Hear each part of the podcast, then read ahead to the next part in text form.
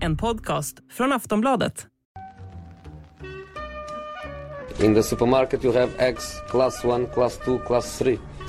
And some are more expensive than others, and some give you better omelets.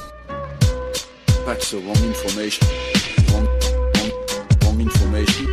I didn't say that. That's the wrong information. Do you think I'm an idiot? Wrong, wrong, wrong information. Now look at me when I talk to you. Your job is to tell the truth. That's the wrong information. Sillypodden hälsar välkomna denna eh, fredag eftermiddag i eh, märkliga omständigheter. Eh, Patrik Syk heter jag, med mig finns eh, Makota Sahara och Daniel Kristoffersson. Välkom- välkomna hit. Vi ska prata fotbollsövergångar idag och, och rykten och, och det som vi gör allra bäst. Eh, vi ska bara redovisa lite grann vad som har hänt då i eh, svallvågorna av invasionen i Ukraina. Eh, en Champions League-final har vi fått bekräftat, ska flyttas från Sankt Petersburg till Paris. Känns väldigt rimligt att inte spela en Champions League-final i Ryssland eh, just nu. Det har också kommit eh, besked ifrån Uefa att Rysslands och Ukrainas eh, landskamper får spelas men ska spelas på neutral mark. Eh, jag eh, eh kanske inte vi väljer att inte lägga någon värdering i det just här och nu. Vi avvaktar, vi, vi konstaterar att sånt är fallet. Ehm, Det går väl att konstatera att även klubblagen som är ute i Europa, vi hade ju Zenit Sankt Petersburg som spelade mot eh, Betis igår till exempel. Och eh, dessutom då Spartak Moskva som var i lottningen till Europa League här nu, men de kommer få spela på neutral plan i deras hemmatcher, men utesluts ju inte ur turneringen så att säga. Nej men så, och sådana här sanktioner kommer ju pågå hela tiden. Nu såg vi Schalke tog väl bort eh, från sina tröjor sponsor Mm. Ryssland. Manchester United bröt med Aeroflot va, som var deras huvudsponsor i Precis. flygplan så att Mm, du har ju givetvis Chelsea, Ja. det, det, de kopplingarna är ju enkla att dra även, även Everton har ju en tröjsponsor eh, kopplad till eh, en rysk affärsman vid namn Usmanov eh, som eh, har ganska täta affärsförbindelser då med eh, Moshiri som äger, eh, är majoritetsägare i klubben. Den, den problematiken har ju tagits upp jättemånga gånger såklart under senaste dygnet, men det är ju det att med tanke på liksom Gazproms, alltså vikt i Uefa med alla olika kopplingar hit och dit och allting, det är ju, det är ju snårigt situationen just nu och liksom vem, hur man ska göra med vad och så vidare. Ja, de trycker ju in 400 miljoner per, per säsong i eh, Uefa för att sponsra Champions League. Det är ju väldigt mycket pengar. Ja det får man säga. Eh, Och det är ju eh, en situation som Uefa själva har satt sig i. Eh, och någonting som man har höjt ett varningens finger för och någonting som har kritiserats såklart. Eh, och nu får man eh, betala det priset helt enkelt för att man har satt sig i den situationen. För det har man faktiskt gjort på helt egen hand. Jag ska också säga det, såg ni vädjan från de brasilianska fotbollsspelarna i Ukraina? Eh, spelare från eh, Dynamo Kiev, från Shakhtar Donetsk, eh, något ytterligare lag eh, som vädjar till brasilianska förbundet att hjälpa dem hem för det finns ingen väg ut för dem. Nej. Flygplatserna är stängda, eh, de bombas utav, utav eh, eh, ryska plan och det är ju en pågående invasion, det är ju fullskaligt krig. Så att en oerhört utsatt situation. Eh, och det är ganska mycket brasilianska spelare i de, eh, de eh, ukrainska lagen. Det gäller ju alla liksom, både så här, ukrainska och icke-ukrainska spelare och ledare i klubbarna. Jag tittar på liksom Roberto De Cerbi, tränaren i Shakhtar som konstaterar att han kommer väl sitta kvar, att han, han kommer inte bara springa därifrån nu och lämna folket och klubben i, i det här skicket de har hamnat i här med tanke på det som pågår. Så att, ja, nej det är en otroligt svår situation för väldigt många människor. Ja, det, är, det är väldigt, väldigt mörkt och eh, fotbollen är en del av eh, samhället och en del av eh, kulturen och en del av människors liv och givetvis så blir den också väldigt påverkad. Men eh, det är inte det vi ska eh, ägna det här närmsta eh, samtalet eh, åt. Vi ska prata rykten, en och annan övergång som är på ingång. Ehm, och vi börjar med eh, någonting som är alldeles, alldeles färskt. Ett, ett rykte i alla fall, Disco. Ja precis, jag fick lite uppgifter här på att, ja men om vi är inne på, på Ryssland och så här så är det många, vi såg Dennis Hadzikadunic som vill bort där från Rostov och sådär. Sen finns det ju massa svenskar i Ryssland och en som har gått dit är Axel Björnström som gick till Arsenal Tula Tuzla eller nej Arsenal Tula heter de. Mm. Eh, och eh, där har jag väl hört att han, ja han vill väl också bort därifrån nu Ja. och där har jag hört att eh, AIK är på och kollar. De har inte lagt några bud än men eh, de vill ju ha in honom. Han är vänsterback, vänsterytter och sådär så att eh, då ställer man ju frågan mot Genoa på väg bort. Men jag har inte hört någonting där. Det är så pass färskt där så vi får väl kolla där. Men man kan väl konstatera att han är en väldigt bra vänsterback i alla fall om det nu skulle bli att de lägger bud och att de, de eh, vill ha hem honom. Det är Ja. ju ingen vänsterback du värvar för att nöta bänk. Nej, förstår. så är det det ju verkligen så. Nej. Sen, sen finns det väl också andra icke-sportliga aspekter i det hela. Såklart att om AIK lägger bud så har de en sportlig tanke med det. Mm. Men också att om en spelare verkligen vill bort därifrån nu. Ja, Han har ju kopplingar till Stockholmsområdet också. ja. Har ju fostrats väl i, ja Karlsberg om jag inte är helt ute och Mm. cyklar här nu i huvudet. Så att det, Ute ja. och cyklar i huvudet. Karlberg alltså. Karl, Karlberg. Ja. Karlbergs BK ja. Ja, precis. Carlsberg, det är något annat. Eh, precis. en dansk klubb. och det här kommer ju få, Dansk som sagt.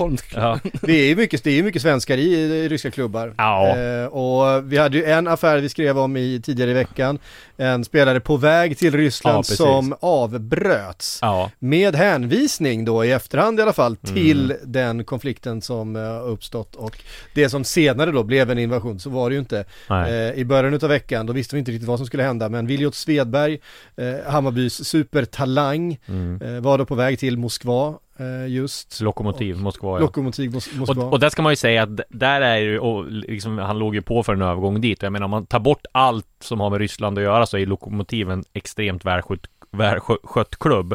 Alltså Rangnick tog ju över den och blev, alltså han som är United nu, eh, och tog ju dit hela, alla sina bundsförvanter, sportchefen, eh, tränaren, till och med assisterande tränaren eh, tog han dit. Han skulle göra det till sitt projekt. Då var han så här en sportchef som kons- alltså han var en konsultande sportchef om man säger det, konsultande manager. Så han fick liksom fria händer.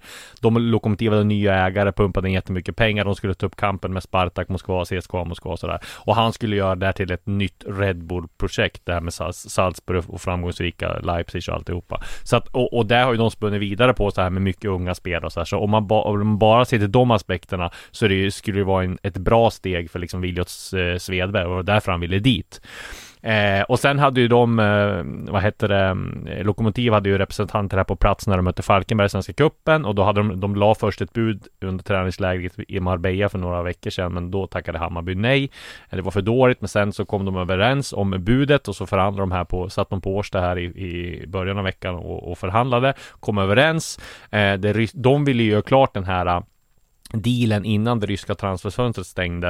Eh, även fast det hela tiden var liksom tanken att eh, Williot Cederberg skulle spela kvar fram till sommaren.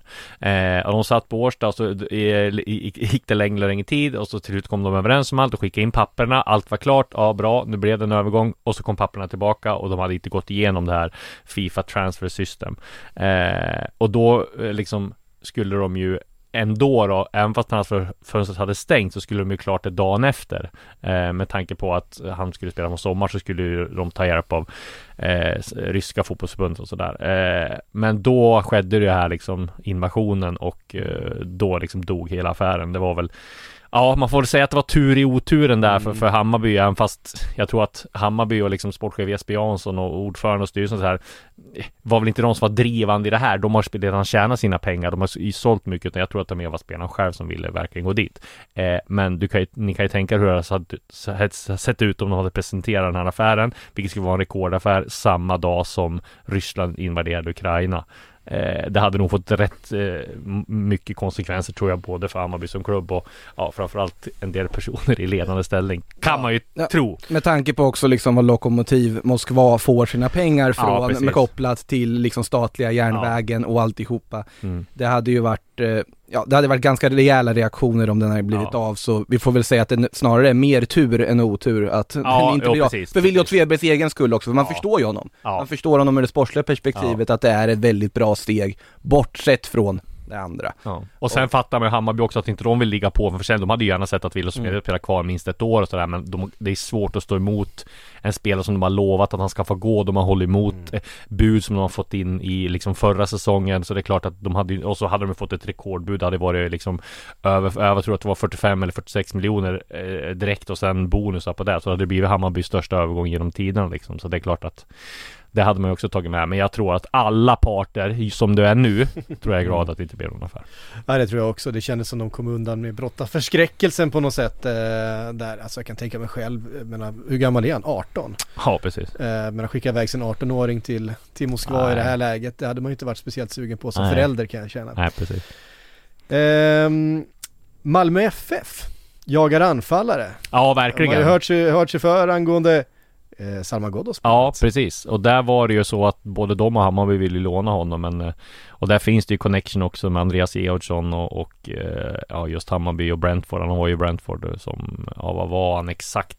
Analytiker eller något sånt där och liksom ingick i ledarstaben där i Brentford så han kände Ghoddos väl och det hade varit en fantastisk värvning för, för Malmö men Verkligen. de går nog vidare nu och har väl ett del, andra alternativ. Isak Kiese är väl högaktuell från Banjas skulle jag tänka mig tänka mig där. Eh, de har väl haft lite kontakt, eh, har vi skrivit om det tidigare, bland annat Expressen skrev om det att han och några till var aktuella som, som hade alternativ och det det har varit ett klockrent alternativ för, för Malmö. Kan klubben, är grym och, och liksom ha som anfallspartner, jobba stenhårt, man vet vad man får. Sen tycker jag att det var överdrivet kring honom också, just det här med att han är en dålig avslutare. Jag tycker han blev där på slutet där, fast det finns liksom epitet på spelare som lever kvar ganska länge och äh, jag tycker att eh, det hade varit en klockren värvning för, för Malmö. Men som Malmö spelar vill man ju ha en reslig target. De Ja, har ju visat precis. ganska Ja. tydligt. Titta på Colak, det var ju mycket som sades åt både ena och andra hållet om Ja. hans insatser. Men jag tycker överlag att han visade ju kvaliteter som gör att han var ju en av allsvenskans bästa anfallare. Det är Mm. därför de inte fick behålla honom nu också. Därför han kommer in och spelar för Pauk i Europa League här nu Mm. direkt efter Malmö-sessionen.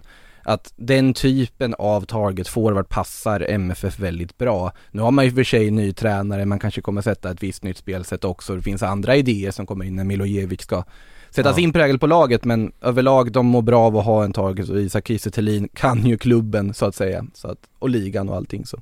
Ja, ja nej så att eh, det, det, det hade varit, det är nog Malmös drömvärvning tror jag. Jag menar, ja. eh, Vad får de betala för, för Kiese? Ja det, det är lite oklart där liksom. Han är ju Banjas nu så att undrar om inte han, om han skulle komma så bryter han kanske kontraktet där tror jag. Eller att de har köps ut eller något sånt där. Eller, eller att de köper ut honom. Men han har, väl- han har väl ett ganska fett kontrakt där. Så att det är, ja men jag tror att eh, det återstår rätt, rätt mycket innan, innan det blir en done deal. Men eh, att de... Eh, En slant kommer det kosta fall. ja det lär det göra. Eh, Ludvigsson, eh, vi kommer prata lite Sydkorea. Jag vet inte, hur känns det för dig Makoto? Hur att känns inte, det för Att, att, dig? att, att inte få prata Japan utan Sydkorea Alltså- som det nya heta. Jag tycker att det är såklart från ett japanskt perspektiv så är det ju en oroväckande trend att fler och fler svenska spelare väljer att gå till Sydkorea istället för den fina japanska ligan till J-League. Eh, Tack David Moberg Karlsson för att du gjorde valet du gjorde, eh, säger jag. En otroligt fin representant tycker jag för svensk fotboll, precis som Emil Salomonsson var under sina år i Sanfrecce Hiroshima och Avispa Fukuoka nu.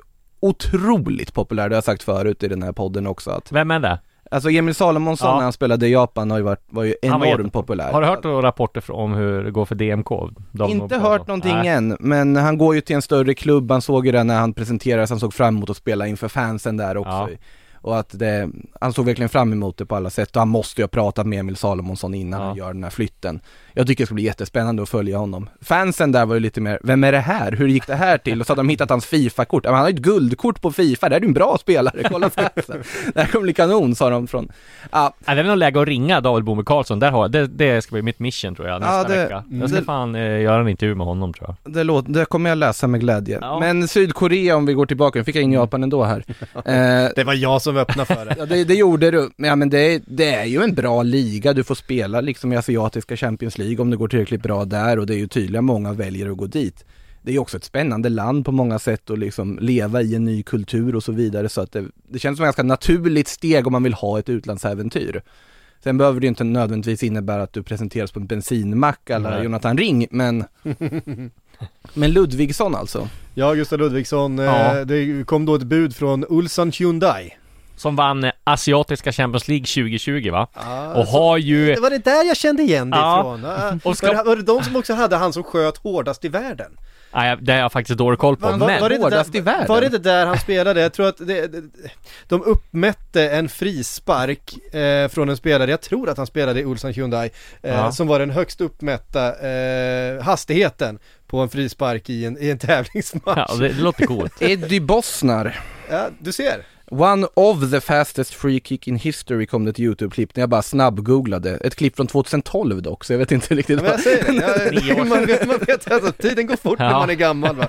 Eh, Men så- om man ska hitta en lång, långsökt eh, svensk koppling till Olsson Hyundai så är det ju att eh, det spelar en spelare där nu som heter Kaishvili eh, som har nummer 10 som är en stjärna där. Han spelade i San Jose Earthquakes under Mikael Stare för typ fy- fy- tre, fyra år sedan. Så det finns en svensk nu, koppling. nu sluter vi cirklar. Ja. Och då är frågan då, Gustav Ludvigsson. Ja, nej det är ju för jag tror att när vi spelar in det här, vad är klockan då? Då är hon, eh, klockan, hon är Två ungefär. två på fredagskvällen. Jag tror inte han har tagit något beslut än. Jag tror att eh, Eh, Hammarby är nog väldigt rädda att bli av med honom. Eh, kommer nog hålla jättehårt i honom med tanke på hur bra han varit. Ska ju sägas att han kom ifrån Örgryte för 500 000 och har ju varit Hammarbys, om man ska få sluta så har han faktiskt varit Hammarbys bästa spelare de senaste två, alltså sen han kom.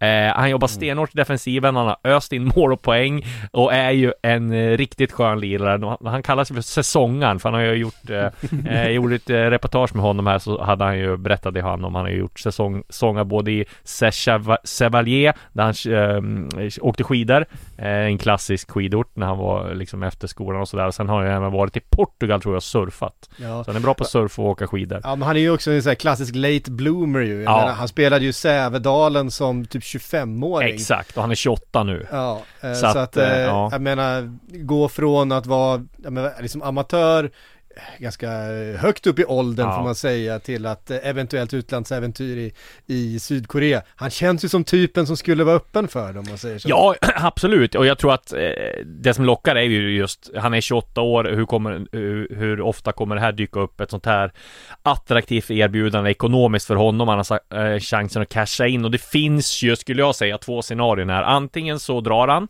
Eh, och Hammarby får eh, en eh, rätt bra slant eh, och säger att ja men du har varit lojal och varit vår bästa spelare, det är klart vi ska släppa iväg dig, vi kan liksom inte stoppa en 28-åring när han får ett sånt här luktativt bud. Eller så blir det så att Hammarby, han kom ju liksom för två år sedan, jag vet inte om han, han har inte förlängt sitt kontrakt sedan han kom tror jag, så att vi kan väl tänka sig på att han sitter på den, en av de, eh, ja, om inte, inte sämsta lönerna, man sitter inte på någon topplön i Hammarby. Så att det är alternativ två då, vilket alltid brukar bli om man tackar nej till sådana här, det är ju att de förlänger och ger han en, ja men alltså en lön som är topp tre eller ja, kanske till och med bäst betald i Hammarby. Jag tror inte han slår Lord Sadiko i och för sig och några av de här andra som har kommit hem. Men det är väl de scenarierna som, som finns. Och det lär väl komma ett avgörande här ganska snart för transferfönstret i Sydkorea stänger första mars.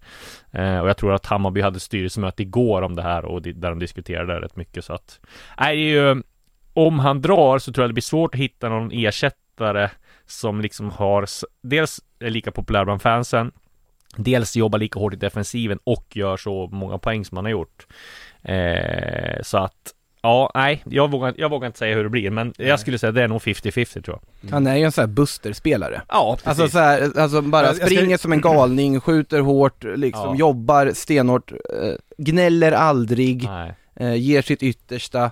Han är väl en av få spelare som gjort mål i typ alla divisioner. Han har gjort mål Ja, i jättemånga olika det, ja. divisioner på vägen spelat liksom division 6 fotboll på seniornivå, vilket inte är vanligt för en spelare som Nej. ändå når allsvenskan. Vet du, vem som, vet du vem det finns en annan person som har gjort mål i alla seriesystem tror jag? Från division 7 till eh, allsvenskan, vet du vem det är? Nej.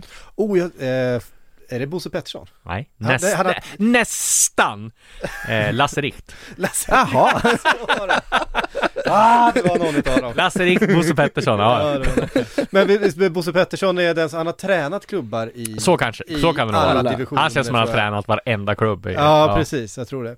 Ehm, jag ska rätta mig, han var ju 23 när han då spelade division 2 eh, i Sävedalen. Ja, precis. Men en, Ehm, ja, det är då är man ju, snacka om late bloomer Ja, verkligen. Ehm, ja, vi får se vad som händer där, det är ju spännande och um, ja, men Sydkorea, nya Kina har du skrivit i, i Köris här. Ja, precis. Men, jo, men jag menar det, att kinesiska ligan har ju helt dött nu med Ja. tanke på att alla, oli, eller oligarker, men jag vet inte vad de heter, kinegarker, nej men alla Ja. rika personer i Kina som hade bara företag, de har ju liksom drabbats jättehårt av pandemin. Alla utländska spelare flyr ju. De har ändrat reglerna också. Ja, precis. Mm. Eh, Reglerna, och jag menar, jag tror det var varit Inters ägare som gick jätteback under pandemin för man kunde bara ta ut typ Precis. 80 000 dollar under, föra ut det ur Kina liksom, eller så Ja. det fanns några begränsningar. Så det är klart att den, den är inte helt död, men den är ju inte, den är ju inte lika levande som när Mohamed Bangura gick dit till Dalian och tjänade 15 miljoner netto för 6-7 år sedan. Men eh, nu ser vi ju de här gå till Sydkorea. Vi har sett Dino Islamovic gå dit från Rosenborg. Eh, Kevin Hög Jansson som har varit i Boteplovdiv är på väg dit också. Han väntar bara på visum. Vi har sett eh, Jonathan Ring eh, gå dit också. Och så, så att Japan och Sydkorea, de har ju kommit mer. Och jag tror inte det kommer, det kommer, vi kommer ju aldrig se något, någon Kommer hype inte se de summorna kanske Nej. som vi såg från Kina Nej. men eh, Men däremot är det ju jättebra betalt och liksom fina nettopengar framförallt. Så att det är klart att, och jag menar, Ja- Japan och Sydkorea får man säga, om man hamnar helt fel i Kina, var det inte eh, Lasse Vibe va, som tackade nej till 20 eller 40 miljoner netto i Tianjiteda och det var väl liksom innan pandemin där, där det var så mycket föroreningar så alla gick med munskydd redan då liksom. Det är ändå fyra fem år sedan så att och de summorna kommer det aldrig vara men det känns som det är mer det behövs inte lika stor anpassningstid från, liksom till, från det västerländska samhället till, till, till Japan och Sydkorea som det behövs till, till Kina. Liksom. Det, det är liksom mer anpassat. Så jag tror att vi kommer få se fler sådana där övergångar eh, vad det lider. Men det är ju liksom ett äventyr med hela paketet för att du kommer också till ligor som är extremt etablerade, du kommer till ligor med bra tryck på läktarna, du får som sagt spela asiatiska Champions League-matcher som är jättestora där det är väldigt många positiva aspekter av att gå till Sydkorea eller Japan på också. Nivån på ligorna är ju väldigt hög, det är en väldigt tekniskt hög nivå på ligorna. Mm. Eh, sen, sen finns det väl, om man tittar på de japanska lagen, till exempel, problemet är att alla ska försöka spela någon sorts tiki-taka-fotboll de inte riktigt kan hantera. Nej. Men det, det är ändå en bra nivå, det är, ett, det är ett häftigt äventyr, det är roligare än att åka till någon mörk del av Ryssland och sitta och frysa. Lite värvar, så. värvar Iniesta once och plötsligt så är man eh, Barcelona. Ja, Vissel Kobe är väl typ Barcelona, det är väl liksom med Rakuten, eh, vad heter det, sponsordraget där. Det är ju många unga spanjorer, Sergio Samper hittade ju till Vissel Kobe också, Bojan Kirkic gjorde en sväng i Vissel Kobe.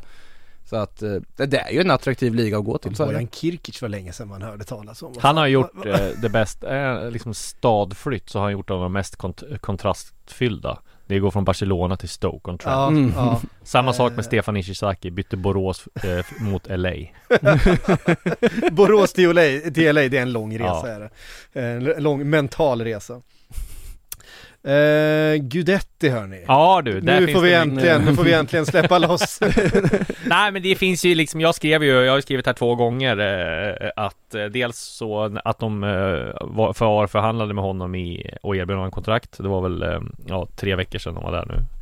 Eh, och sen så att, ja nu är förhandlingarna i, nästan i mål. Det är ett par detaljer som ska Men eh, ja, allt talar för att han spelar i AIK Mm. Och eh, det blir ju en dunderförstärkning för dem också Jag vet, alltså man har ju sett folk som, eh, framförallt supportrar från kanske andra klubbar som är såhär, ja men Gudetti han är slut, vad, vad ska ni med honom till? Alltså det är ju en superspelare om han kommer till Allsvenskan, herregud, han är 29 år gammal, Ja. han har massor att liksom spela för, han har en, han har en karriär kvar som ska liksom få upprättelse. Och dessutom, han har ju utvecklats till någonting annat än han var när han var liksom 2021 och var en målspruta eh, i liksom Manchester Citys akademi och sen då i, eh, eh, i Holland. Eh, Han är ju liksom en, en väldigt hårt arbetande, rutinerad, meriterad internationell anfallare. Visst, han gör inte speciellt mycket mål, eh, det ska gudarna veta. Men jag menar, det är en jävla skillnad på att vara nere och spela i Spanien och, eh, och sådär.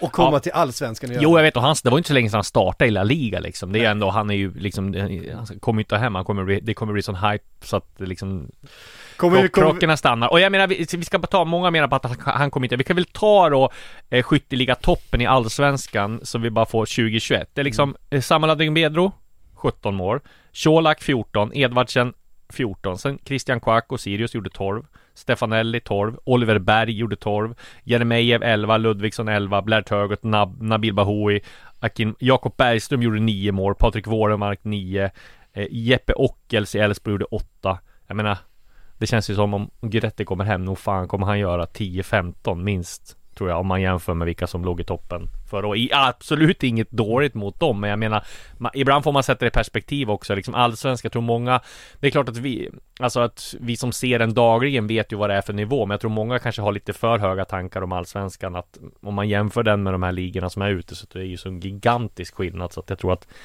just allsvenskans kvalitet tror jag kommer vara liksom bra för John Guidetti och liksom kommer bara ösa in mål. Ja, Men alltså det räcker med att titta på vad Enok Goitom betydde för AIK under Ja. alla dessa Ja, år. var Han inte var så inte, att han öste in Nej. mål i, i La Liga på slutet, eller, eller Marcus Berg före... Ja, eller Marcus Rosenberg eller- i West Marcus- Bromwich Albion. Ja, nej. Mm. Nej men alltså, man tar just liksom Goitom i AIK bara det sättet han, symbolen han var för det här Mm. laget, ledargestalten han var. Alltså John Guidetti som person på alla sätt vi känner honom, är uppenbart att han kommer ju frodas i en sån miljö. Han kommer liksom med ett fullsatt Friends Arena i ett han kommer ju lyfta i den typen av matcher. Och också, det är en spelare som aldrig har bevisat sig på allsvensk mark. Nej. Vi har aldrig sett honom i den här ligan förut. För honom själv kommer det här vara en extrem nystart. Det kommer vara extremt viktigt för honom att bevisa sig, att visa. Ja, Han var ju en sväng i BP där eh, ett tag. när Ja, han gjorde ju ett, ja. ett, ett lån i BP Och det då var ju han jättebra. Då, var han ju grym, grym. Ja. alltså. Vad var han då? 18-19? ja, då var han ung. Men det är ju en helt annan grej Ja, nu, exakt, exakt, så är det. Men då vräkte han ju också Ja. in mål. Eh, det gjorde han. Och jag menar, Och AIK försökte göra ett, ett eh, försök att värva hem honom där när han var i City och gick till Feyenoord istället. Jag vet att Jens T. Andersson som var sportchef då och Björn Westström som var scoutchef var ju över och försökte övertala honom att komma hem men eh, då blev det ingenting. Utan det blev Feyenoord istället och blev Mm. jättesuccé där och sen vet vi vad som hände med kycklingen och alltihopa. ja, så jag, jag ser fortfarande att den där jättevepan på Stureplan, arvtagaren. Ja, precis. Det är, det den jinxen, den, Ja, den, den jinxen går inte, den går inte att hantera. Eh, då går det som det går. Vi kan, inte- vi kan inte göra så Undrar mot unga kommer- fotbollsspelare. Vi måste vara försiktiga med Anthony Elanga här känner jag. Inga vepor över, över hus där det står liksom Inga arvtagaren, vår nästa. Fan, vi måste vara försiktiga med jinxen.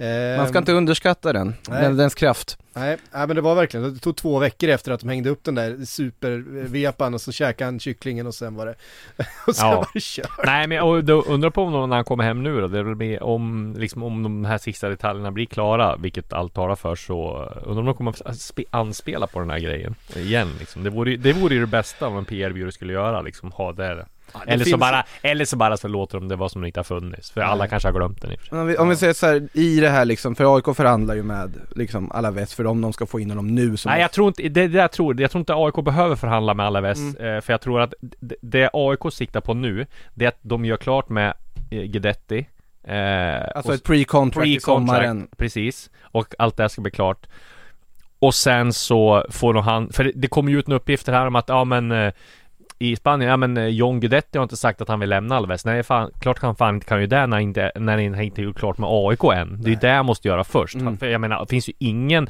eh, liksom poäng för att AIK också har kontakt med Alaves när de har ett kontrakt som de sitter och går ut i sommar. Då får de ju förhandla med det, så det var jätte, lite konstigt där Men- Uppgifter, men däremot så tror jag att Precis, de måste, om de nu tar hem honom i sommar så måste de komma överens. Men där tror jag att det finns liksom inte att AIK behöver köpa loss honom ändå för jag tror att han har sån hög lön så jag tror att Alaves är så mån om att slippa eh, liksom Guidettis lön fram till sommaren i så fall eftersom de inte kommer satsa på honom eh, eh, och ge honom ett nytt kontrakt så därför tror jag inte det blir så att han köps loss men du har rätt, Mm. de måste komma överens om det i den meningen Ja. Du som följer La Liga eh, slaviskt Makoto, vad, vad kan vi säga om John John Guidettis tidiga Alaves?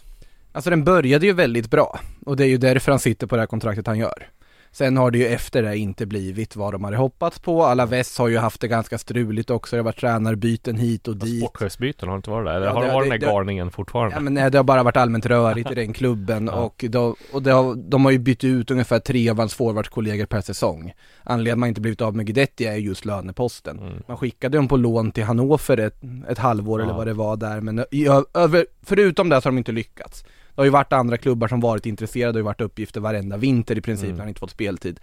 Den här säsongen har han ändå fått lite inhopp, lite mer matcher än vad han hade under Ja, och verkar ju vara liksom, gjorde ju ett jätteförsök och han såg ju väldigt fit Mm. ut och så liksom har gått ner i, Alltså han var ju inte överviktig tidigare heller men menar att han, man såg verkligen att nu har han gjort ett försök och och, och såg ju Mm. liksom mer tränare än på länge eh, och, och fick väl spela första men kanske inte gjorde de här målen som Men han är ju inte en målskytt mer, det är ju det och det, det räcker med att titta på att Alaves alla mål den här säsongen har gjorts av en spelare, det är Joselu. Han har Mm. gjort 12 i ligan, tvåan i interna skytteligan, en mittback på två. Och, eh, Det är inte jättelätt att vara anfallare i det här laget nej, heller. nej, men och Joselu är ju den spelare som de helst hade velat behålla, nu verkar väl som att Joselu ska bort Det kan ändå. omöjligt, de åker väl ur va? Det kan väl omöjligt för Det, länge de riskerar ganska Ja. rejält att åka ur, de ligger på nedflyttningsplats just nu, Mendelibar har kommit in som tränare, men de har Fina ju Joselu. Joselu är ju, han, är- han är bra måste jag säga men Valencia vill ju ha honom nu till sommaren. Det verkar som att de kommer lösa det också, säger uppgifterna i Spanien i alla fall. Men att Joselu ska stanna i Alaves och skriva på nytt för dem känns ju osannolikt just nu. Eh, Men alltså det finns ju inte chans då att de väljer, nej men vi satsar på Guidetti istället, det finns inte på kartan. De vill bli av med den löneposten. För att också de har lönetaket att förhålla sig till som de ligger och skarvar lite på sett i vart de är. Så de behöver frigöra kapital för att kunna göra värvningar. Så att för dem så, den förhandlingen med Alaves borde inte vara svår precis som du säger, väl när de har löst det här förhandskontraktet. Som de ju får förhandla i och med att han har mindre än sex månader Ja. kvar. Precis. Och det är väl det också. Det är inte det enklaste. Det är skatteregler i Sverige. Det är Mm. artistskatt. Det är AIK ska ta hjälp av sponsorer. Nu är det så här liksom att det är inte som tredjepartsägare inte tillåtet. Man ska göra en deal där så att det, det återstår att se. Men Ja, han, han har ju en hög lön, eh, Guidetti. Ja. Han kommer inte tjäna lika mycket pengar i Sverige. nej, och det är inte för pengarna han går hem heller. Men jag menar, Nej. han kan ju inte bara ge bort. När man är han- 29 han- år kan man inte, även fast man har tjänat mycket pengar kan man inte ge bort. Om man han, han, han tjänar 1,5 miljoner i, i månaden. Och ändå det är liksom sex, ett halvår. Det Ja, är- är, även om, och även om han säger så här, vi kan väl mötas på mitten. Ja, det är fortfarande väldigt- Och sen ska han ju ha, tjäna pengar för att han kommer ju skriva ett längre kontrakt såklart när han kommer hem och jag menar Om man är 29 år och kommer hem till AIK eh, Alltså han kommer ju kunna vara med Om gör han det bra här i Allsvenskan så kan han vara aktuell för VM-truppen Jag menar så, sån, Mm. eh, så bra är liksom Och den statusen har han ju. Han Ja. Det var ju inte så länge sedan Nej, han nej, var, var, var där och, och eh, var med liksom. Så att, Eh, Och sen kommer tror, jag tror du han ser också att eventuellt gör han det jättebra här så kan det finnas ytterligare en utlandsflytt för honom i karriären? Nej men det var det jag skulle komma till Jag, jag tror liksom att eh, Han vi, vi, Alternativen jag kan tänka mig att han har nu Det är att gå till Gulfen eller något sånt där Jag kan tänka mig även om han Alltså hans, även om han skulle göra det bra i Allsvenskan, vilket han räknar med, så skulle säkert det komma en sån där eh, chans igen. Så skulle han kunna hoppa på den ändå. För sånt namn har han ändå. Jag menar, liksom om de spelare som har gått där, det är klart att han kan leva på sitt namn. Manchester City, Feyenoord och sådär. Och alla, alla liga. Alltså, då, klubbarna där kollar ju på vilka meritlistan liksom. Det är inte... Så det, det, och jag menar därför tror jag också liksom han eh, vi- vi- vill hem. För jag tror att, och, och, men samtidigt då, då, måste han ju liksom vara beredd på att han kan stanna i Allsvenskan resten av livet. Eh, Alltså i AIK resten av livet. Och då blir det ju så att då måste ha bra betalt. Eh, Så att det det är, ja det är mycket som ska på plats men de är eh, extremt nära. Men det är ju den enda, alltså enda situationen där han av logiska skäl skulle kunna tänka sig gå ner rejält i lön är ju att flytta hem. Ja. Alltså om, det är ju därför det aldrig varit aktuellt med ett lån till Segunda eller någonting för de klubbarna har inte råd överhuvudtaget och han är Nej. ju inte intresserad av att sänka lönen för att gå till en sämre klubb utomlands. Nej. Så att då är det ju just som du Mm. säger, det är väl om någon saudisk klubb typ Al Ja. Ettifaq kommer och hör av sig bara vill du komma hit och lira ett år. Men den blir ju, han hamnar i någon sorts glömska också för den svenska publiken. Jag tror Ja. att utan att eh, tala i hans plats här så känns som att han ändå inte skulle vilja göra en Nej, sån han har ju flytt. så mycket kompisar i Stockholm, han har ju så mycket Mm. connections här och Mm. frugan de har lägenhet här och sådär så att eh, Nej det Det, det ska bli jäkligt intressant och, och vilken hype det, det blir för Allsvenskan Ja, för fan. Det är ett, eh, vi saknar ju lite affischnamn på det sättet Ja. eh, till den här säsongen känner jag. Ehm, och det Ja, förr har det varit någon så här riktigt, alltid varit någon så här riktigt stor Ja, återvändare Kim precis. Källström, White och Rosenberg var det Ja. tidigare Henke Exakt. Larsson kom som tränare, alltså Ja. det har alltid ja, varit men det har funnits något av Guidetti, det har verkligen varit det. Sen åker, sen åker vepan upp och sen är det kört igen. Eller så Ehm, spricker den och så går han till så, så går han till fucking Randers eller något annat jävla... Tänk dig den! Midtjylland helvete, vad eller efter Köpenhamn Nej, Vejle nej, då- bollklubb. nej det är ingen risk Då blir jag trött. Det är ingen risk Herregud. Kalmar och Sirius vill ha ytterback. Dennis Widgren tackat nej. Ja precis, de har ju, ligger på Jag läser innantill. Ja precis, det är bra. De, de har ju legat på, de vill ju ha, eh, Rydström vill ju ha en eh, försvarare som kan spela både ytterback och innerback och Widgren är perfekt där. Sitter på en lön på typ 100 kakor i Hammarby eh, så att han är inte beredd att släppa den. Och sen är det lite tjafs där också, eller tjafs är det inte men Hammarby valde ju att göra så under coronan att de sänkte lönerna så kunde spelarna förlänga sina kontrakt med sex månader. Och eh, Abbe, så fick, Abbe Khalili utnyttjade den Så han har ju kvar Han ska ta ut efter säsongen men han förlängde. Och nu är det med Virgen också så är det väl lite oklart där Om han utnyttjar sin coronaklausul så har han Säsongen ut Antingen eller, eller till sommaren. Så att eh, Är det både på gott och ont där? Det, kostar, det, det drog ju ner lönerna Just då. Men sen så Ja, ska de betala ut lönen i ett halvår till då så blir det lite pengar. Men samtidigt då, Ham- Hammarby är ju extremt välmående ekonomiskt med tanke på eh, försäljning de har gjort. Så det är klart att de, de gjorde helt rätt där. Finns det någon möjlighet att se honom spela i Hammarbytröjan? Alltså, det- alltså Jats går ju såklart före men Ja, nej jag tror att det blir svårt just med tanke på att han har varit skadad mycket. De har en del unga som kommer, unga för mig kommer att vara backup liksom. Men nej, jag har svårt att se att han ska Ska spela speciellt mycket fram en- till sommaren. det är ju en spelare man vill spela. Jag vet, de som lyssnar på Allsvenska podden den här hösten vet ju mycket, hur högt jag håller Dennis Widgren liksom Ja. från säsongen 2019. Ja, ja, då var han grym. Han var ju svenska versionen av Trent Alexander-Arnold med så här liksom quarterback, ytterbacken som kunde liksom spelfördela. Sen har jag inte hittat de höjderna igen men Det är väl det klassiska där, samma om man jämför med en sån som Niklas Eliasson som var helt magisk i Falkenberg och kom till AIK hände liksom ingenting Sen fick han ju sitt genombrott i Norrköping Mm. då. Men det är när man kommer till en storklubb så här, han var i Östersund Kommer till Hammarby Och det blir liksom den här pressen och fansen och liksom ja, Det blir ett annat drag kring fotbollen Det är, det är alltså det är svårt att, att leva med men det vi har ju sett Vi har sett och kommer se flera exempel på spelare som inte kommer liksom klara den mentala grejen Eh, Kalmar vill, inte, vill man inte till Kalmar nu då? Alla vill väl till Kalmar? Jo men jag tror det, det Hoppa på Rydström-tåget. Jo precis, men jag tror nackdelen där är att det är så jobbigt att ta sig till Kalmar Det Nej, värdelöst. Men jag menar, de, jag, Uppvuxen i Västervik.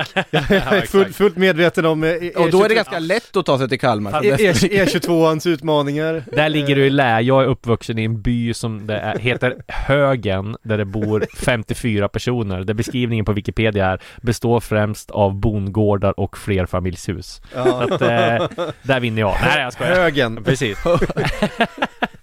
High one som vi sa. Nej men i alla fall eh, de, eh, de har lite De har inte gjort så stora försäljningar senaste tiden Så att eh, de har väl Kan inte betala så mycket. Jag tror Rodic var erbjuden typ fem- 40-50 tusen Jag menar. Det är billigt att leva där men jag tror då tittar man nog på andra alternativ främst. Vi eh, tar oss eh, från Allsvenskan då och ger oss ut i den stora världen. Eh, Men vi, vi, vi håller oss ändå lite, lite bekant. Eh, Vi ska se, vi pratar lite grann om Poja i Barnsley. Eh, Det har ju inte riktigt gått sådär superbra. Det är ju lite bättre, ett par segrar nu senaste veckorna. Ja Ehm, inte minst 2-0 mot Hall här var ju en, en fin seger. Problemet var ju att alla de bottenkonkurrenterna vann ju också så att eh, Mm. de har det tufft Grejen man ska säga där med Barnsley det är att de gick ju till eh, semifinal va i eh, playoff och var ju nära att gå upp i, Champ- i Mm. Champions League, i Premier League förra året och var ju en dundersuccé men sen så tappar de tror jag 16 eller 17 man som slutade alltså runt klubben Eh, Lite halvkaos, eller halvkaos kaos med amerikanska ägarna där. Just Eh, Fansen är vansinnig På att de inte har satsat och, och, och gjort det. Eh, De tappade stora delar av spelartruppen. Anställde en svensk VD Khaled El Ahmad Som har varit eh, Vad heter det mm, Rekryteringsansvarig i New York City FC eh, Eh, och gjort det grymt bra där. De vann ju eh, MLS eh, Och det var ju han Mycket som har byggt upp den truppen Men han drog ju till Barnsley och tog VD-jobbet där Så att Lite bittert för han kanske men, men han får ju ändå ta del av det. Men i alla fall och han anställde ju Poja då eh, De har väl känt varandra och connection tidigare eh, De, de Barnsley sparkade väl sin tränare också där när de torskade ju rätt många Och sen Poja hade ju Ja det har varit en katastrofsäsong, Ja. även före Poja kom. Ja. Så att det är ju... Nej, och jag menar att ja, man, Poja kanske inte Ja, en bra tränare och sådär Men The Championship är ändå en bra liga Så det är klart det var ett stort steg för honom Jag förstår att han hoppar på det eh, och, Men ja, sen fick han ju inte de här förutsättningarna heller Alltså det måste ju vara en mardröm att komma dit eh, Dels med den här rulliansen De har inte ja, knappt råd att värva något De har tagit in två spelare på lån tror jag eller något sånt där eh, Och Corona på det Inställda matcher eh, Och nu är de sist Eh, och trots att Derby tror jag, vad hade de? Började de med minus Ja 18 eller En hel där. del minuspoäng. Ja, de är tror jag över strecket nu eller om de ligger Wayne Rooney-effekten. Ja, ja precis Mm. Eh, Ja, det är helt, men det är helt sjukt, det Ja, är mm, verkligen, ja, det är det, det, är tidernas jävla utbrytarnummer Ja. som man håller på att lyckas med där Mm. med, med, med de poängavdragen som de har tvingats till. Eh, Det är magiskt. Och de är, då är de ju liksom, det är Barnsley, det är Peterborough, det är Reading och det är Derby Det, är- det är liksom en fyra Fyra lags eh, serie där får man säga då, i botten och, Mm. och Barnsley väl, har väl nio poäng upp till säker mark med en match mindre spelad tror jag så att Ja. det ser tufft ut Men tittar man då på hur många poäng Derby egentligen har Ja, ja, tagit så är ju de inte ett bottenlag nej, nej, nej. utan rent spelmässigt så är ju de ett lag högt upp i, i, i, i Ja, ja. tabellen. Eh, Och är att Wayne Rooney en bra tränare tror vi då? Alltså, Alltså, misstänka att jag tror också det att också. Först trodde man att han var så här, men han är för Alltså fördomen man hade av honom var ju så att han var, nej men han är för dum Ja, typ, att, alltså, exakt. Men det verkar inte alls vara så Nej, har ni sett dokumentären för övrigt? Nej. Eh, På, eh, på um, Amazon. Um, det är jättebra. Ja. Där har ju mycket utav det där eh, är ju att han var väldigt blyg som, som ung. Han, han eh, stakade sig på presskonferenser och intervjuer. Eh, var inte alls bekväm med, med den uppmärksamheten. Och är ju liksom, du kommer fram och du är 16 bast och du är liksom lite tafatt och lite blyg och så plötsligt ställs du inför det brittiska jävla mediadrevet och så får du en stämpel som korkad för att du stakar dig några gånger på en presskonferens. Ungefär så var det liksom. Sen har han ju hållit en ganska låg profil ehm, offentligt så, Mm. eh, till skillnad från en del andra. Han har ju aldrig varit eh, liksom pundit i tv, liksom sändningar och så, det är inte riktigt hans grej. Men han kan ju fotboll. Mm. Och, eh, Bara faktumet att han tackade nej till Everton i det här läget. Bara faktumet att han inte jagade att nu ska jag till Everton och gå upp till Premier League, att han stressade det.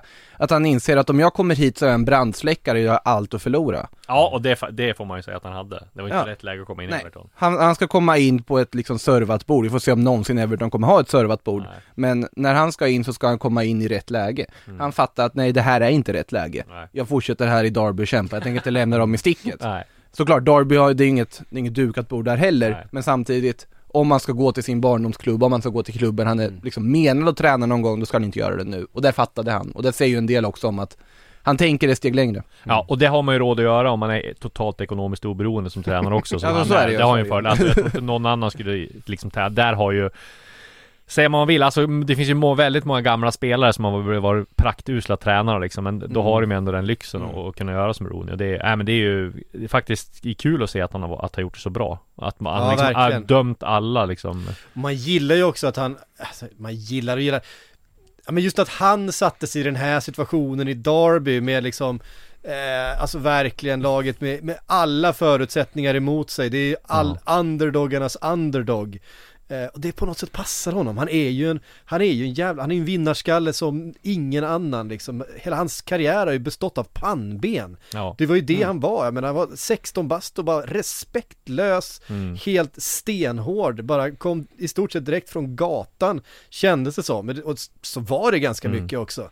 Eh, det var ju en ganska stökig tonåring liksom, som, menar alltså redan som 12-13 Han har jobbat på minuspoäng hela tiden. Var, var ju liksom, drog på konserter och muckade gräl med äldre liksom för eh, Kom ofta hem med liksom blå tirer och, och sen drog han på fotbollsträning. Det, var, det är liksom en ehm, Det är en jävla buse i, i, Ja. i grund och botten som ehm, jag tror att den, den, eh, den inställningen till livet att, att aldrig backa från en utmaning, att man är aldrig underdog om man bara har, har rätt inställning. Eh, den, den, jag inte, det limmar så jävla bra med det Darby har gjort den här säsongen och det, ja det, det älskar man ju liksom.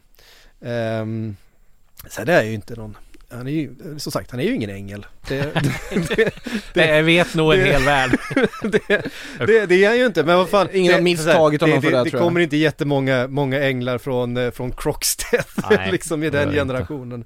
Eh, så är det ju. Eh, ett, ett ganska, ganska hårt ställe. Eh, vi har lite i andra änden utav, eh, utav förutsättningsligan. Det knorras i Chelsea, eh, där man tänker att det där skulle det bara, allting bara vara frid och fröjd. Där finns en Romelu Lukaku. Eh, vi kan väl slänga in Eh, Babylona skrev till oss inför här. Eh, diskutera gärna Lukaku och hans Gilded Prison. Eh, hans, hans gyllene fängelse. Eh, Nej, han- det är så underligt.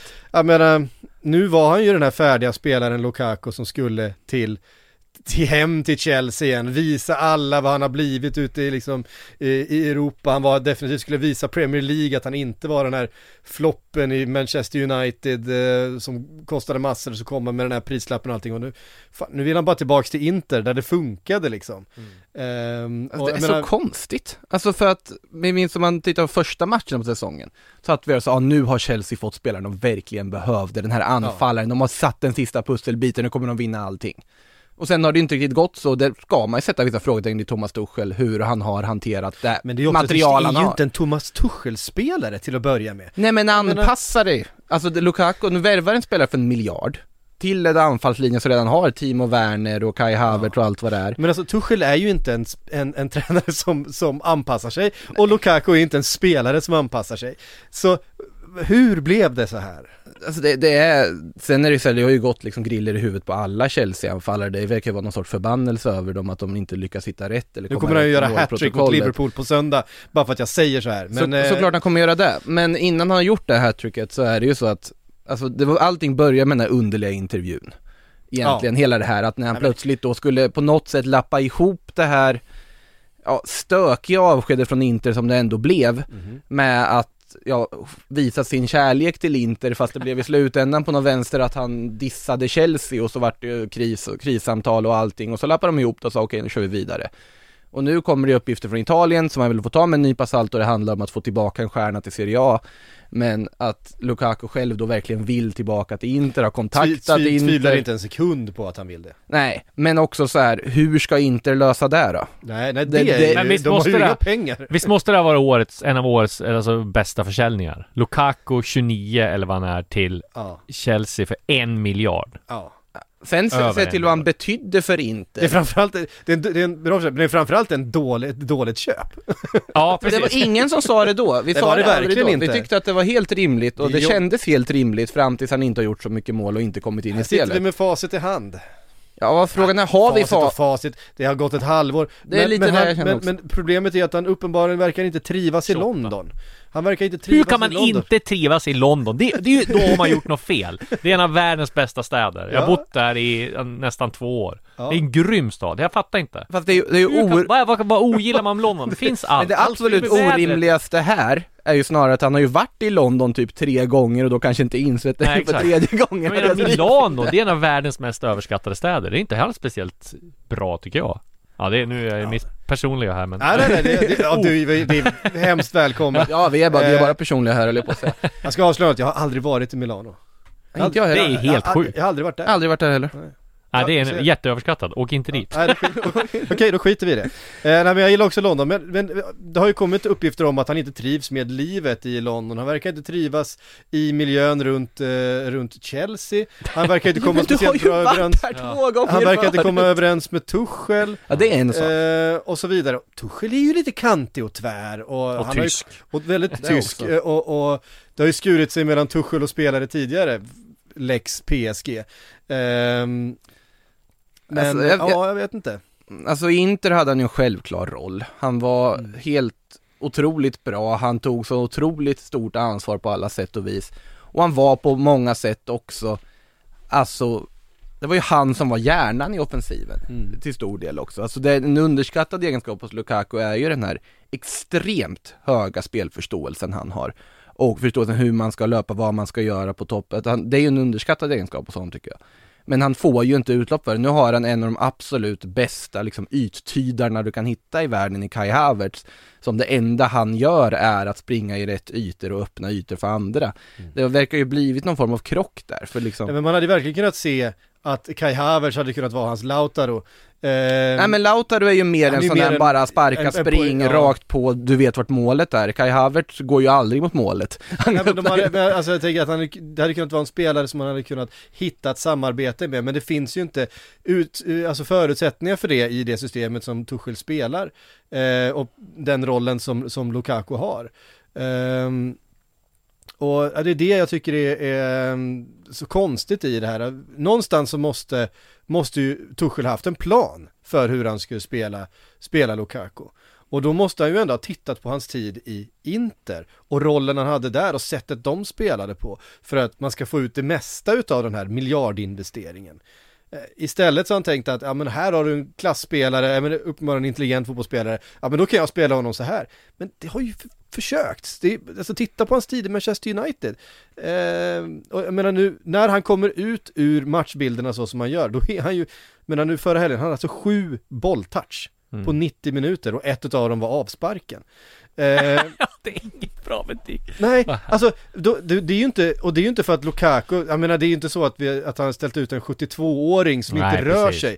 Då är det ju något systemfel i, i hur han rör sig, hur han tänker fotboll Mm. och hur resten utav systemet fungerar och hur Tuchel tänker fotboll. Och det är ju det som är så konstigt med tanke på att han just är en väldigt intelligent, alltså Ja. spelintelligent fotbollsspelare. Det Ja, är han är- därför han det inte går han är- ihop i Han är en intelligent människa, han är en intelligent fotbollsspelare, han borde kunna ta till sig idéer, men, han, men Tuchel som också är en väldigt dyna, bra, alltså en Ja. intelligent fotbollstränare. Alltså, de, de borde kunna få ihop det tycker jag, men Mm. de, det, det verkar inte, jag, jag, jag tror inte det har Alltså det måste ha med, med eh, Lukakus Attityd eller ja, det han måste har ha med utbrott på träning eller var det liksom Ja, men- arrogant eller? Ja men det är att han, att han inte riktigt trivs med livet på Nej. något sätt alltså. För att eh, annars så tror jag, alltså de hade kunnat gnugga ut det, de hade kunnat Ja. hitta ett sätt som, som, eh, som fick ihop det. Men det måste ju vara frustrerande att gång på gång hamna i Premier League toppklubbar och inte leverera. Alltså det, det är lite den känslan man får med honom. Man har en superperiod, sen kommer han till toppklubb Ja, Premier League och, Och det var funkar inte så konstigt att det inte funkar i Manchester United, för Nej, det, var, det, det- var, Manchester det var ju- United var dysfunktionellt på många sätt. Ja. Det är få som funkade under den perioden om Ja. vi säger så. Ehm, det var, jag lyssnade på, det var The Guardians eh, eh, fotbollspodd som jämförde det med, det finns, kom en film för några år sedan, det var en strand som alla plötsligt bara började åldras eh, väldigt snabbt, eh, M. Night Shyalamans eh, film. Manchester United är en ställe dit folk bara kommer och bara blir dåliga helt oförklarligt eh, så länge de är där. Lite så har det varit Mm. för, i, i Manchester United under de åren. Och det var liksom lite den förbannelsen man, man kände över Lukaku när han var där. Det var inte han, det var Manchester Men- United. Vi har sett det på så många andra. Går till Inter, ja men det funkar, men här är han ju. Där är ju fotbollsspelaren vi visste att fanns. Sen, sen vill ändå inte jag släppa just Tuchel-kritiken för om man tittar rakt av på den här säsongen med det materialet de har. Hur många spelare har egentligen blivit bättre den här säsongen i Chelsea?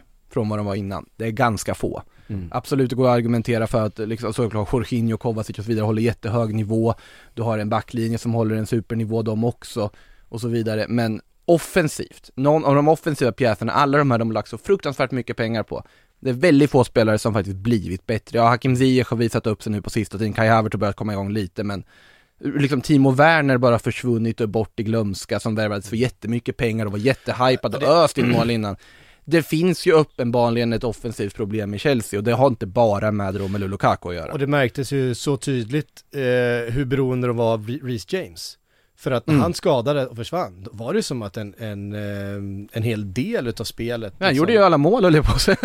Han var väl deras bästa målskytt tror jag. Ehm, Ja, Mason Mount är väl den bästa nu liksom, Nu, men, men att- men då har han gjort majoriteten av det en match mot Norwich. Så att, Ja. det, det är konstigt, problemet för Lukaku blir här att det är ju inte säkert att Inter vill ha honom heller. Alltså Inter är ju ute Framförallt kan de inte betala. nej men och förutsatt att de skulle kunna betala, att de skulle kunna skramla ihop det, de har fortfarande då de vet att Gianluca Scamacca är aktuell. De vet att han skulle kosta mycket mindre. De vet att han är ja, nästan 10 år yngre, ja, 23 är väl Scamacca i och för sig.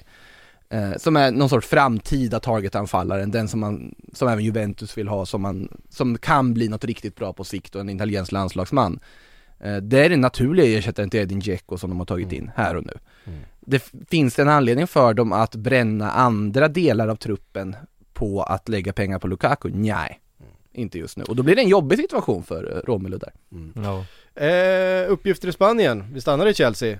Madrid eh, förhandlar då med Chelsea om Eden Hazard på ett lån.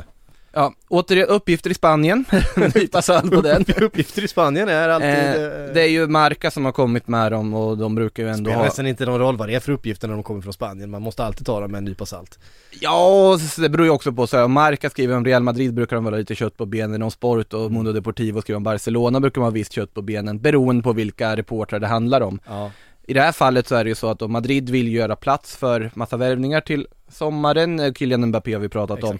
Erling Braut Haaland verkar ändå fortfarande någonstans finnas i ett bakhuvud. Manchester City. Ja, det, det känns ju rimligt. Jag tror det. Eller, eller Barcelona, jag räknar inte bort dem faktiskt. Ehm, Jag tror det blir City. så, Skitsamma. i alla fall. Men då vill de i alla fall göra sig av med Hazard på något sätt och det är ganska uppenbart oavsett om de ska ha Haaland eller inte, men då ska man ju förhandla med Chelsea sägs det om ett lån av Eden Hazard över en säsong. Och spontant så här att Chelsea skulle vilja tillbaka Eden Hazard kan låta osannolikt. Men på ett lån över en säsong skulle säkert inte betala hela lönen. Får en spelare som man vet har levererat i Chelsea. Du får han riskfritt. Varför inte förhandla åtminstone? Eller varför inte lyssna på vad Madrid har att säga? Nej, han, han har ju uttryckt att han, att han eh, längtar tillbaks eh, till Det kan man Chelsea. förstå, Ja, precis. som det har gått för honom. Så Nå- att, eh, Ja men lite, alltså jag har ju inte sett honom spela nästan någonting i Real Madrid. Eh, du är inte ensam om det höll jag på att säga. det är knappt någon som har eftersom han knappt har spelat. Eh, eller ja, han har spelat men, men, men det har varit mycket skador och han har ju också inte varit helt i form.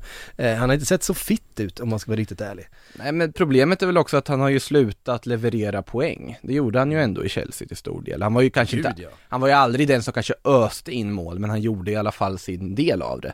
Vad har han gjort? Fyra mål på över 40 matcher i Real Madrid sedan han kom. Han, ja, Det är- Det är för dåligt. Och såklart han har varit skadad jättemycket, men nu är han ju också, även när han är frisk, är han utanför startelvan. Han är en ganska långt bak i hackordningen. Om man tittar på trion på topp idag så skulle jag säga att det är Vinicius, Benzema, Asensio är de ordinarie. Sen har du Rodrigo som, som liksom knackar på dörren där.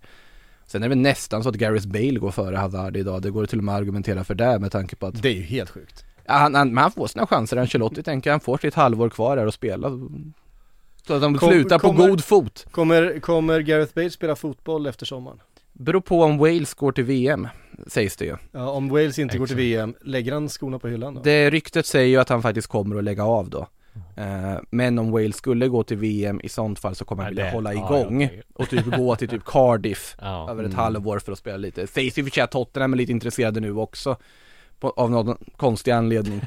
Men alltså det ska sägas att han har sett helt okej ut när han kommer tillbaka, när han verkar vara i lite bättre form och så vidare, men det är ju fortfarande de här skadorna, skadorna, skadorna, skadorna Mm. och prioriteringarna och det känns ju på något sätt, Fyller 33 i sommar. ja, skulle inte förvåna om han lägger av om vi säger så. Nej. Och han har ju redan börjat lite med sina andra hobbys, han har väl blivit en ambassadör för ett ja, rikstäckande stor golforganisation här nu när han ska få fler folk att hitta till den fina sporten golf. Vad har han i handikapp? Vet vi det? Ja, den har två. Han scratch? Ja, snart scratch spelar de. Mm, så att han, han är ju inte dålig på att De har spela för, golf. de har för mycket fritid. eh, Nej men det, Det är ju han. Ja, nej men rapporten har sagt det, det här handikappet är ju verkligen, du kan in, det är ingenting du får utan att ha spelat ganska mycket golf. nej, det, det ligger någonting i att Ja. han, Han har spelat mycket golf. han har spelat mycket golf. Eh, så är det. Eh, sport. Spanska uppgifter. Eh, gör- gällande att Arsenal kommer göra ett nytt försök på Ale- Alexander Isak då från Real Sociedad. Eh, och det är ju den, eh, det är ju den flytten vi vill se va? Alltså frågan är vad Alexander Isak själv säger till sommaren. Nu, han var ju väldigt fåordig när han fick frågor om det i, vi har satt här efter uttåget i Europa League igår. Men inte någon behöver- som betalar deras utköpsklausuler Nej. på över 750 miljoner fan, Nej, det, det kan de inte räkna med att få heller. Nej. Han går väl inte ens för Dejan Kulusevski pengar, det handlar väl i så fall om Jo, jo, jo, jo, Tror du det? jo, jo, jo. 350 miljoner? Utan tvekan. Ja, alltså utan tvekan minst en halv miljard. Alltså på att, alltså Isak, Lägger de så mycket pengar på Alexander Isak? Ja, det tror jag, det tror jag. Ja. Alltså åldern, åldern var han ändå levererat, nu har han inte gjort mycket mål den här säsongen. Mycket av problemen i Real Sociedad är dock inte bara baserat på Isak utan det är baserat på spelet Nej, i det är jag allmänhet. liksom, jag liksom, råder inget tvivel om Isaks kvalitet, Mm. men bara tänkte en, över en halv miljard. Men jag tror, jag håller ju med dig om att urköpsklausulen ska ju mycket till. I Arsenals fall, de här uppgifterna säger att de vill förhandla ner den. ja. Det var snacket i vintras också, men där var ju bara Real Sociedad ju bara tvär nej. Vi kommer inte förhandla en krona ner från utköpsklausulen. Om ni kommer med era, alltså ja, vad heter det? Nu glömde jag helt namnet på sånt där man har pengar i. En, en, Ja, Attachéväska. en portfölj. portföljer, ja precis, men de kommer en massa portföljer med liksom sedlar till La Liga-kontoret, ja, då kan det bli någonting för då kan de inte säga något. Nej. Men till sommaren, jag ser inte som helt osannolikt att Real Sociedad missar Europa League-plats. Sett till den formen de har visat, sett till hur de har ramlat ihop i viktiga matcher Nej men det är där år. jag menar, gör de det, Mm. då liksom, hur mycket pengar kan de väntas få då? Då sitter de i liksom inte så här jättebra förhandlingssituation eller? Alltså de sitter ju i en förhandlingssituation på att han förlängde ett kontrakt relativt nyligen. Ja, i och för sig. eh, ganska långt, att han trivs väldigt bra i staden, att Mm. han är en så pass ung spännande anfallare som väldigt många klubbar vill ha. Det är fortfarande rykten hit och dit om att Barcelona vill ha honom. Eh, och såklart då Arsenal med i bilden också. Jag tror utan tvekan att den kommer gå för en halv miljard. Mm. Det finns inte på kartan Real Sociedad skulle acceptera något mindre. Eh, men snarare om Alexander Isak vill dra. Det är ju det här som är det viktiga. Jag tror inte att Real Sociedad ens accepterar under utköpsklausulen Nej. om Isak inte själv vill lämna. Nej. Och det är ju frågan, om de missar Europa, sättet de åkte ur turneringar i år, när de åkte ur Copa del Rey mot Betis med 4-0, sättet de blir utspelade mot Leipzig här igår och åker ur Europa League på ett väldigt tidigt stadie. Sättet de åkte till samma mäss och förlorade derby med 4-0 mot Atletic. Atletic har inte gjort fyra mål på Real Sociedad sedan 70-talet. Och jag har varit inne på det förut, Imanol Alguacil har gjort fantastiskt jobb med Real Sociedad när han kom in som interim och fått den lös, liksom fasta tjänsten där, han tog dem till en Copa del Rey-titel, han bryr sig om klubben, han älskar klubben på alla sätt och vis. Men det är väldigt tydligt när de vill ta nästa steg nu att han inte räcker till. De förlorar i de viktiga matcherna, de håller inte den jämna nivån de borde kunna göra med det materialet de har, för de har ett fantastiskt material. Mm. Eh, det är dags att liksom plocka upp Xabi Alonso, ge honom tränarrollen till nästa säsong. Det kanske kan locka Isak att stanna, men då ska det vara ett projekt som han tror på kan ta en Champions League-plats, ett projekt där han tror han kan vinna titlar. Jag tror till exempel inte att det hade varit lika lugnt och behagligt om de inte hade gått hela vägen till den här Copa del Rey-titeln och han får ändå känna på en trofé att det här är en klubb som är på uppgång. Nu tycker jag de har nått ett tak. Och då är frågan, hur går de vidare därifrån? Så att, nej, jag tror inte att det är omöjligt att se honom flytta på sig i sommar om Real Sociedad fortsätter som de har gjort under den här våren. Mm. Vi, eh, vi kastar in ett par eh, frågor. Eh, vi tar en från Fredrik Larsson. Vi är kvar lite i Arsenal då. Han skriver, är det värt att förlänga ett år med Lacazette enbart på hans slit och inställning och ta in endast en forward i sommar som blir vår nummer ett på topp? Alternativet är förstås att släppa Lacka och ta in två nya. Ja, om Alexander Isak blir då den som de tar in, är det värt att förlänga med Lacazette? Om Lacazette accepterar en rotationsroll, accepterar ett kortare kontrakt och liksom förstår, alltså att acceptera rollen som truppspelare snarare än en självklar nia. Då tycker jag att det är en no-brainer att förlänga med honom, för jag tycker att han har visat under den här säsongen och efter liksom efter att Aubameyang hamnade i frysboxen och sen vidare till Barcelona så har Lacazette visat sitt värde för Arsenal och hur mycket han bidrar med på planen. Så att beror det helt på kraven skulle jag säga. Kristoffer Fahlén skriver, eh, hur länge är det värt att vänta för svenska klubbar att värva spelare? Vid deadline kontra januari när spelarna kan vara med på hela försäsongen?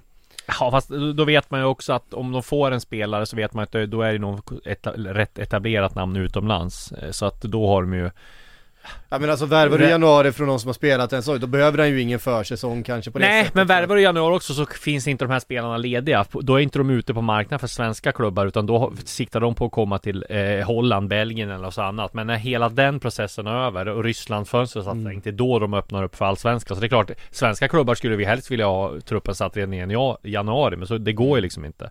Så att eh, det är inte så att klubbarna väntar på, ja men vi är osäkra, utan det är så här, okej, de, de spelarna som vi eh, vill värva, de är inte tillgängliga för oss förrän alla andra stora ligors fönster har stängt. Så det blir ju Det är såklart att de vill ha de här så fort som möjligt. Så att det är inte de som väljer direkt. Det är ju fördelen med att ha ett fönster och stänga så pass sent Precis. på våren för att då finns det ju spelare som faktiskt inte har fått igenom sina flyttar som då kan tänka sig gå till Allsvenskan som de aldrig hade gjort annars. Eh, vi har fått en fråga här ifrån eh, Berglund 17. Vad händer med Elanga till sommaren? Det, Ja, men han kan väl omöjligt flytta på sig. Nej, han- Ragnik är ju kvar. Alltså, det är nu Ragnik- lånet i Barnsley kommer. Nej, ja, men Nej, alltså. vad, har han, vad har han för agent? Han har inte farsan som agent. Nej, han har väl, har han inte Base eller någon, massa- någon av de största i England va? Ja, ICM. det. IC, ja precis. Mm. nej men han flyttar sig inte på någonstans. Alltså det är väl snarare frågan, vad händer med Vadå, hans ICM? Stellar alltså? Mm. Ja, Stellar, ja det är den största i England. De har ju filialer i hela världen. Precis, ja det, Eh, det, ja, Det är bara att kolla vilka stjärnor som är där. Det är liksom, det är vad ska man säga, det är liksom inte en agentur utan det är liksom en franchise av massa olika, eller franchise, Ja, men de det är som allt från- upplägg. Ja, Grealish och Chilwell och Shaw och mm, Ja. Saul och Ward Prowse och ja. eh, ja. Guidetti var väl där ett tag också tror jag, men det är han inte nu. Helt säkert. Eh, Känns som, då, känns som hälften av alla Real, eller hälften av alla Premier League-spelare finns med Nej, men, på listan. Alltså frågan, frågan är väl snarare, om Elanga nu fortsätter på samma sätt som han gjort under våren ska sägas, vi vet ju inte vad som händer då. Men om man gör det, då är snarare frågan vad som händer med hans kollegor till sommaren, Mm. skulle jag säga. Alltså vad händer med Marcus Rashford? Ja, ja, Det absolut. Det, där ligger ju snarare frågan. Jag menar Ragnik kommer väl, kommer ju ha eh, li- lika stor makt Känns det som han Till nästa säsong kommer han väl in, kanske inte ha det beroende på vem som tränar dem. Nej men han kommer ju ändå ha liksom Mm. makten om att Ja Nu har han ju liksom banat vägen för Ja. Elanga så det vore ju dumt att liksom inte kunna kapitalisera på det här Mm. Det känns ändå som han är um, Liksom ett, det bästa, inte det bästa som hänt men han är väldigt bra för United. Han kom in med någon form av vettig skärbild i alla fall. Ja. Om man jämför med Moyes och uh, Mourinho och van Gaal och alla de här som var innan. Alltså Solskär hade väl också en ganska vettig skärbild men det känns ändå som att han, eh, vad heter Ragnik talar klarspråk liksom. Ja men vi kommer vara jätteglada att vi kommer topp fyra för jag menar Kolla vad klubben har inte vunnit något de senaste tio åren. Nej, precis. Eh, och det, har, det här har ju varit eh, Manchester Uniteds liksom livlina under de här åren när eh, det har gått så emot och värvningarna som de har betalat stort för om det har varit liksom Di Maria eller Lukaku och, och, och så vidare. Alexis Sanchez. Alexis Sanchez och, och eh, ja, Pogba.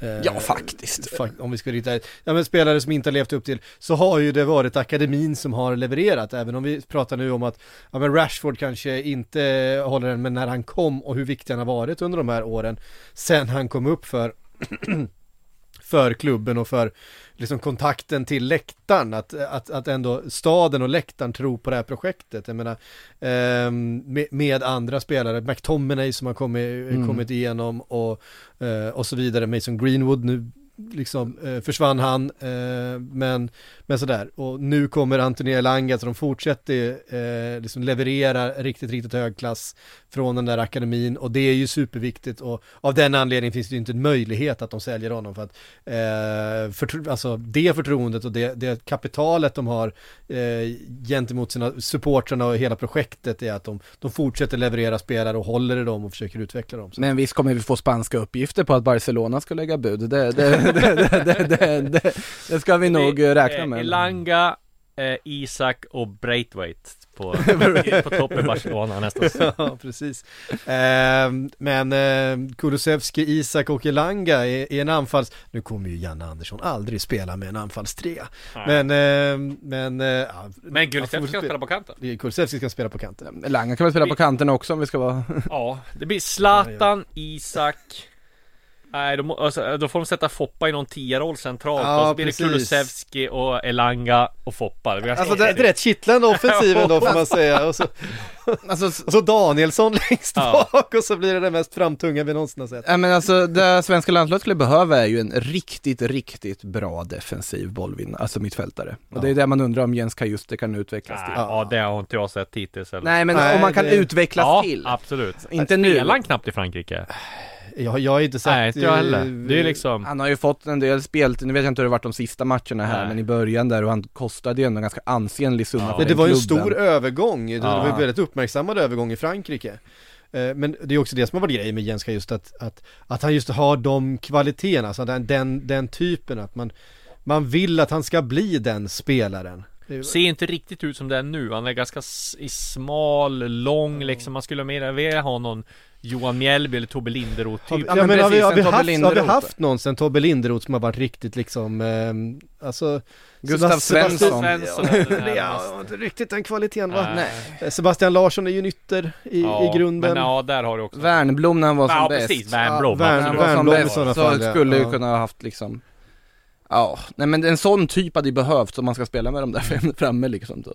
Det hade ju inte funkat ändå tror jag, vi hade aldrig fått se det. Men- Nej, det hade aldrig fått. Nej, inte så Janne Populist jobbar. Hamrén kanske hade gjort det om trycket hade- från media hade blivit för stort Definitivt! Det råder inga tvivel Jan om. Andersson snarare tvärtom Ja, var inget snack om Han bänkar slut eller allihop. då. Det blir, det blir bara värre om vi sitter och pratar om det. Ja, precis Hörrni, det är faktiskt allt vi hann den här fredagen. Eh, ta hand om er där ute. Sillypodden är tillbaka om en vecka igen ungefär. Då följer vi upp alla de här sakerna som vi har eh, pratat om idag. Får se ifall eh, vi har några nya uppgifter om eh, sydkoreanska lag som jagar svenskar. Eh, eventuellt då hur det blir med alla eh, svenska spelare i Ryssland eh, och vad de väljer att göra. Det kommer komma mycket därifrån vi ska följa upp det. Eh, men härifrån så säger vi på återhörande.